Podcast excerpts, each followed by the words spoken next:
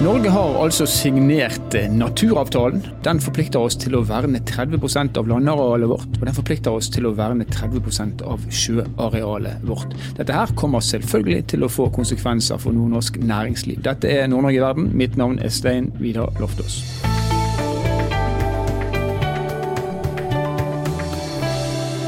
Ja, naturavtalen den eh, kommer til å prege nordnorsk næringsliv, det er helt åpenbart. Senere i denne episoden skal vi snakke med sametingspresidenten Silje Karine Mutka for å høre om hvordan den påvirker eh, de interessene som eh, hun kanskje er mest opptatt av. Og så skal vi snakke med Ingrid Slumgård Myklebust, som er klimarådgiver i Lofotrådet, for å høre hvordan det påvirker Lofoten. Et område der man både er avhengig av fiske, men man er også avhengig av turisme, og man er avhengig av kraft. Men aller først skal vi snakke med en representant for fiskerinæringen. Nordnorsk næringsliv er altså i stor grad basert på bruk av naturressurser. Det har det alltid vært, og sånn kommer det forhåpentligvis også alltid til å være. Og Av de naturbaserte næringene i nord, så er kanskje fiskeri og havbruk den aller største. Og Vern av havområdene er òg et av tiltakene i naturavtalen, som da kan få konsekvenser for fiskerinæringen. Og En som kjenner til denne problemstillingen godt, det er seniorrådgiver Maria Pettersvik Avnes fra Norges Fiskarlag. Og nå er hun med oss her på Nord-Norge i verden, og velkommen til oss, Maria. Tusen takk for det. Takk for at jeg blir invitert. Ja, gleden er på vår side. Og det her er et, eh, det vi snakker om, det er et stort tema. Vi skal selvfølgelig ikke gå skikkelig i dybden på det, men vi trenger å få en slags oversikt over konsekvensene på forskjellige områder. Og hvis du ser på dagens situasjon, for den næringen som du representerer. Når Dagens situasjon og reguleringer. Må Norge endre kursen vesentlig for å oppfylle de forpliktelsene som kommer i, i denne nye naturavtalen? Jeg tror vi må erkjenne at det blir behov for å gjøre om litt på dagens situasjon for å nå målet om 30% bevaring i henhold til naturavtalen. Men jeg tenker at det er viktig at å skille mellom eh, bevaring og vern. Det er mange som oppfatter naturavtalen som at det, at det er et mål om 30 vern av eh, havområdene, og det er ikke helt korrekt, fordi det er et, et mål om bevaring, og i bevaring så ligger det òg mulighet for å definere arealbaserte tiltak etter sektorregelverket som en del av bevaringsområdene. Altså f.eks. Eh, områder som, har, eh, som ikke er, hvor det ikke er lov å tråle f.eks. i dag, er, kan være et sånt arealbasert eh, tiltak som kan inngå i de 30 prosentene. Og med det så har vi kommet et godt stykke på vei allerede, fordi Havforskningsinstituttet og Fiskeridirektoratet har vurdert de tiltakene som er i henhold til sektorregelverket i forhold til hvor stor prosentandel av havområdene som allerede er under et eller annet form for bevaring, og det er over 50% Akkurat. Så jeg tenker at uh, vi er helt sikkert uh, nødt for å gjøre om på, på, deler av dagens situasjon, særlig i forhold til behovet for at noe av dette òg skal ha et vern etter miljølovgivninga, og ikke bare etter sektorregelverket. Men uh, jeg tenker vi har, vi har, et godt utgangspunkt for å nå målet om 30% bevaring. Det er jo beroligende å høre det, men er det likevel grunn til å tenke seg at Eh, for å komme i mål med disse forpliktelsene her, så vil det bli fiskeforbud. I, altså totalt fiskeforbud, ikke bare på, for trål eller for enkelte typer utstyr i områder? Ja, um, jeg tror altså Vi er i hvert fall Jeg vet ikke om jeg skal si at vi er bekymra for det, men vi ser for oss at det kan bli en aktuell problemstilling. At det vil foreslås områder til havs med fiskeforbud for å nå da det her eh, målet om 30% bevaring, i forhold til at noen av områdene må ha et strengere vern enn gjennom arealbaserte tiltak. Og så er det slik at Norge har signert den naturavtalen og forplikter seg da til som du allerede har nevnt, vern av 30 av, av våre havområder. Og Så er jo avtalen utvidet slik at den også nå gjelder for si, den internasjonale sonen. Og For oss som ikke si, følger med på hvor fiskeflåten er eh, til dagen, kan du si noe om hvor henne det fiskes? Er det store områder der det ikke drives eh, fiske i dag, og som, som, da er lettere å tenke seg at man kan si, verne helt og holdent? Eller fisker man overalt? Nei, det pågår ikke et fiske overalt i alle havområdene. Det er som sagt store deler av havområdene som allerede er underlagt eh, Eh, regelverk som gjør at det f.eks. ikke er lov å tråle der. Og det er områder som det ikke er fisk i, som ikke er aktuelt å, å bedrive fiskeri i. Både i norsk økonomisk sone og i internasjonalt farvann. Så det finnes absolutt eh, havområder som, som, det går an å verne etter etter strengeste miljølovgivning, uten at det nødvendigvis får konsekvenser for fiskeriet sånn som det drives i dag. Da. Men dere har jo også, eller den næringen her har jo også andre utfordringer som man har sett over tid. En av de er dette her med bifangst, altså når man fisker etter én sort, men får et for stort innslag av en annen sort. Eh, og Det skaper jo problemer for, eh, for næringen sjøl. Etter hvert som taksonomien eh, kommer i sterkere og sterkere grad, så, så vil det bli strammere regelverk på disse, disse sidene også. Hvordan jobber dere eller hvordan jobber fiskerinæringen som sådan med å klare å håndtere bifangst og få det ned på et akseptabelt nivå? Ja, Bifangst er jo absolutt uh, viktig for oss. Både sånn som du sier at du får et for høyt innslag av andre høstbare arter når du fisker malretter etter én art, men òg f.eks. bifangst i form av sjøfugl eller sjøpattedyr. Det finnes jo en god del uh, tekniske reguleringstiltak i forhold til å unngå et høyt innslag av andre arter når du fisker spesifikt etter én, f.eks. sånn som Eh, sorteringsrister i rekefiske, som gjør at eh, fisken sorteres ut og reka blir igjen til slutt. Og det forskes en del eh, på sånne innretninger for, for å gjøre fiske så selektivt som mulig. Da. I tillegg så er det jo en sånn mekanisme i, i trål og snurrevad, sånn at du kan sortere ut den, at den minste fisken går ut før den havner i, i posen til slutt for å hindre at du får med undermålsfisk opp, f.eks. Eh, så vi, vi, jobber kontinuerlig både med å forbedre de innretningene som finnes, og, og se på muligheter for å gjøre ting på en helt annen måte eh, i forhold til forskning rundt det. Sånn alt i alt, ser dere i eh, Fiskarlaget positivt eller negativt på denne avtalen som nå foreligger og er signert? Vi ser eh, positivt på naturavtalen. Eh, vi er som sagt helt avhengig av eh, intakt natur og intakte økosystem for å kunne høste godt av de kommersielle artene som det høstes på i dag. Vi ser for oss at hvis vi får være med i utarbeidelsen av kriteriene for hvordan områder som skal ha hvilken type vern, så sitter vi på mye kunnskap som kan være viktig i, i, forbindelse med det arbeidet, men vi håper òg at eh, det kan bidra til at uh, områder vernes eller bevares, og at det på sikt gir oss faktisk et økt høstingspotensial. Så vi ser utelukkende positivt på naturavtalen og tenker at den er helt nødvendig for å kunne fortsette uh, et bærekraftig fiskeri. Tusen takk skal du ha for at du kunne være med oss, seniorrådgiver Maria Pettersvik Avnes fra Norges Fiskarlag. Takk for at jeg fikk være med.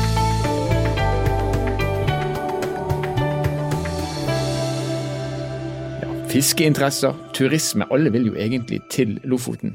Og alt dette her er jo sentrale elementer i naturavtalen. Og nå har vi med oss klimarådgiver i Lofotrådet, Ingrid Slungård Myklebust. Og hjertelig velkommen til Nord-Norge i verden, Ingrid. Hei, takk for det.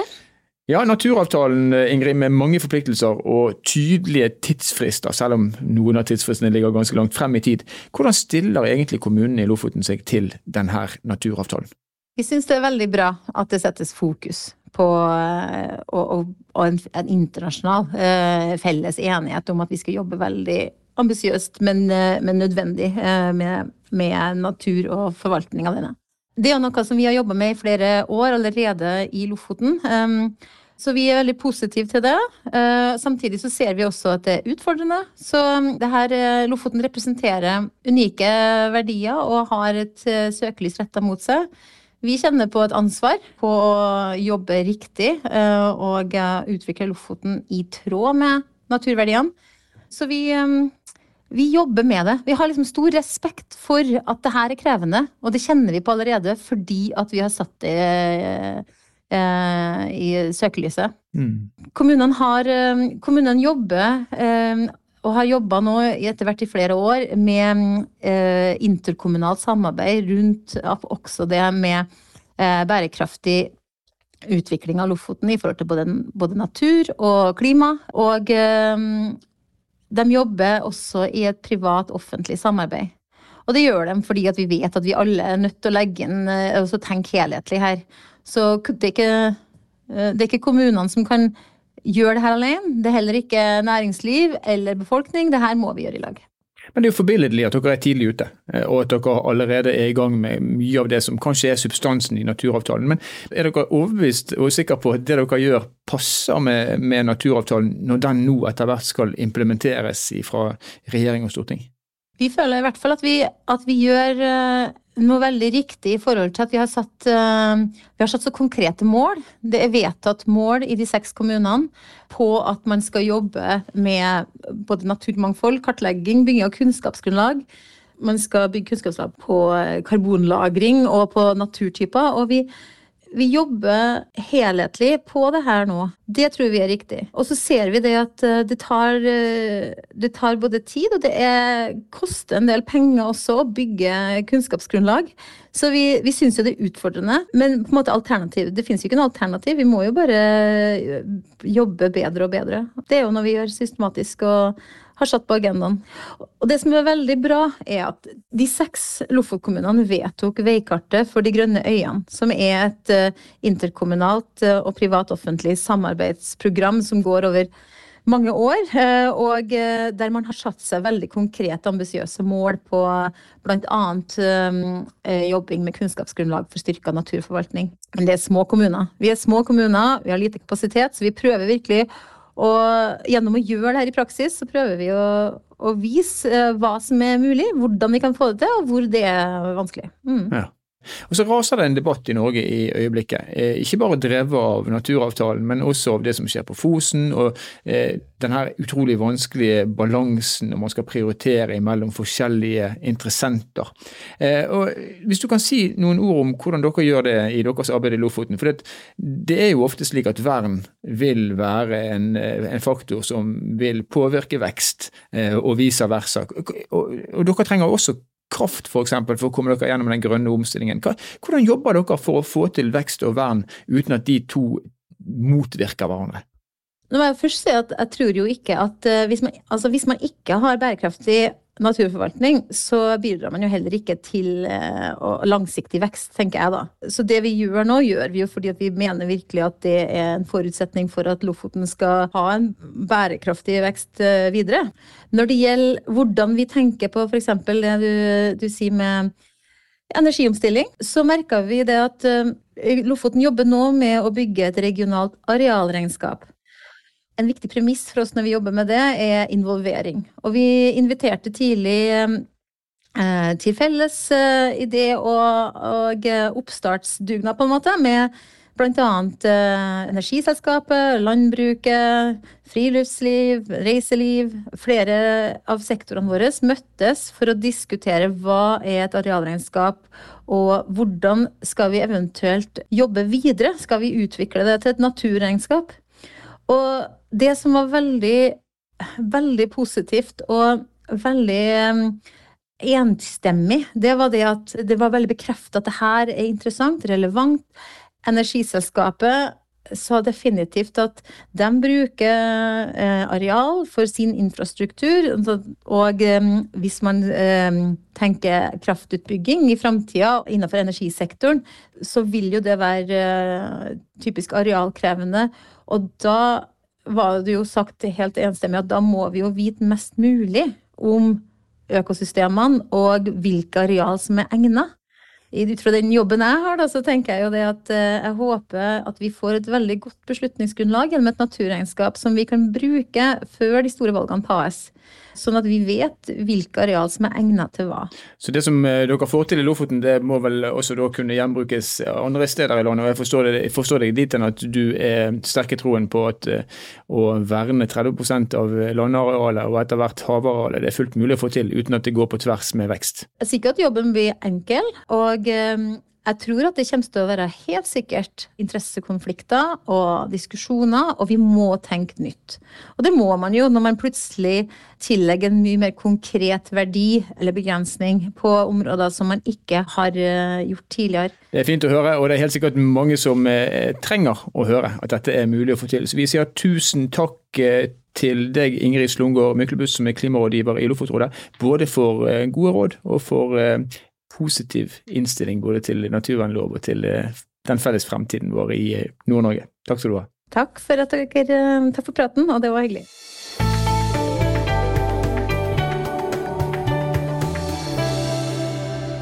Og nå har vi med oss eh, sametingspresident Silje Karine Mutka, og hjertelig velkommen til Nord-Norge i verden, Silje. Gito. Du, eh, jeg må starte med, med liksom overbygget, naturavtalen. Sett ifra, i et samisk perspektiv, hvor viktig er denne avtalen?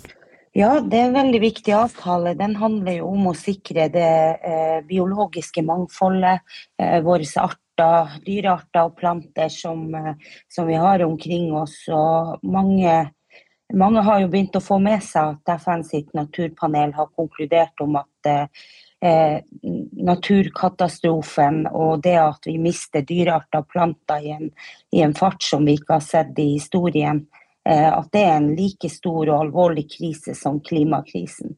Og det er klart at her to tingene de henger veldig tett sammen.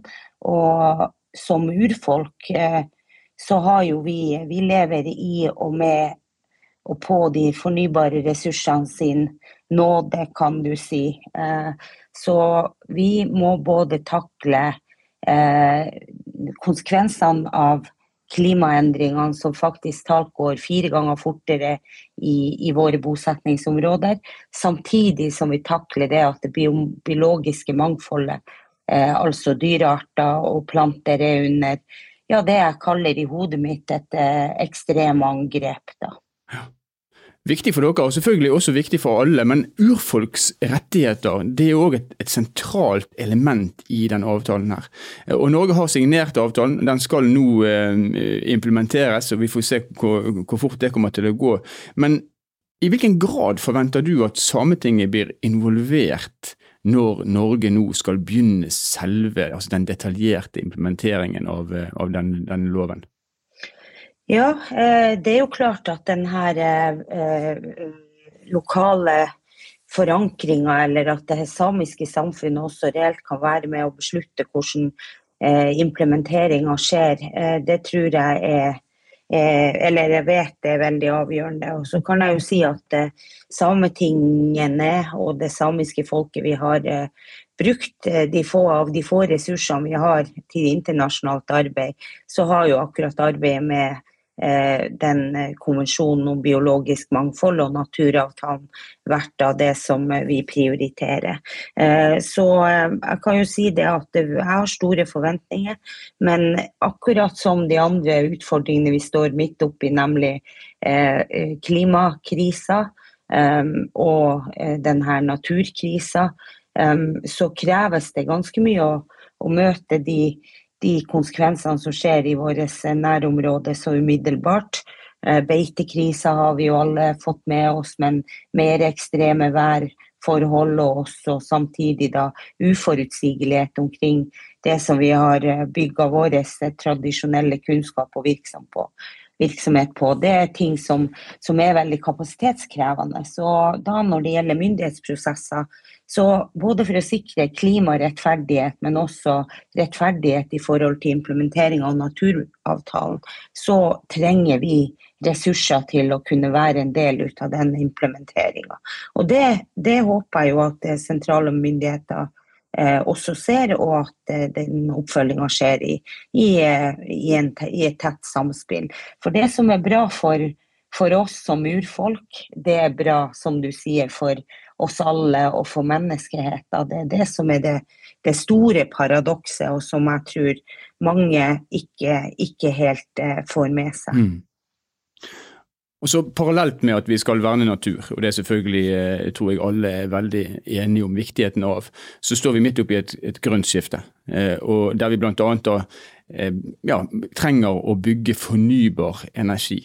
Og Nord-Norge har jo store friarealer, og der er jo et behov for kraft for å komme seg gjennom det grønne skiftet i nord også. Hva tenker du om eh, problematikken som det avstedkommer? Altså Man skal verne naturen på den ene siden, samtidig så er man avhengig av å ta i bruk naturen på den andre siden for å klare å få bukt med klimaendringene.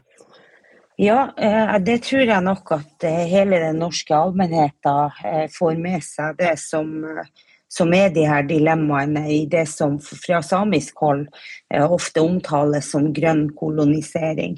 Fordi at de prosjektene som planlegges, dem virker eh, til å måtte, eller at, eh, at det er en stor kraft og vilje i å drive frem prosjekter som også ødelegger og har holdt på å si, enormt negative konsekvenser for, for holdt på å si, samisk kultur og næringsutøvelse.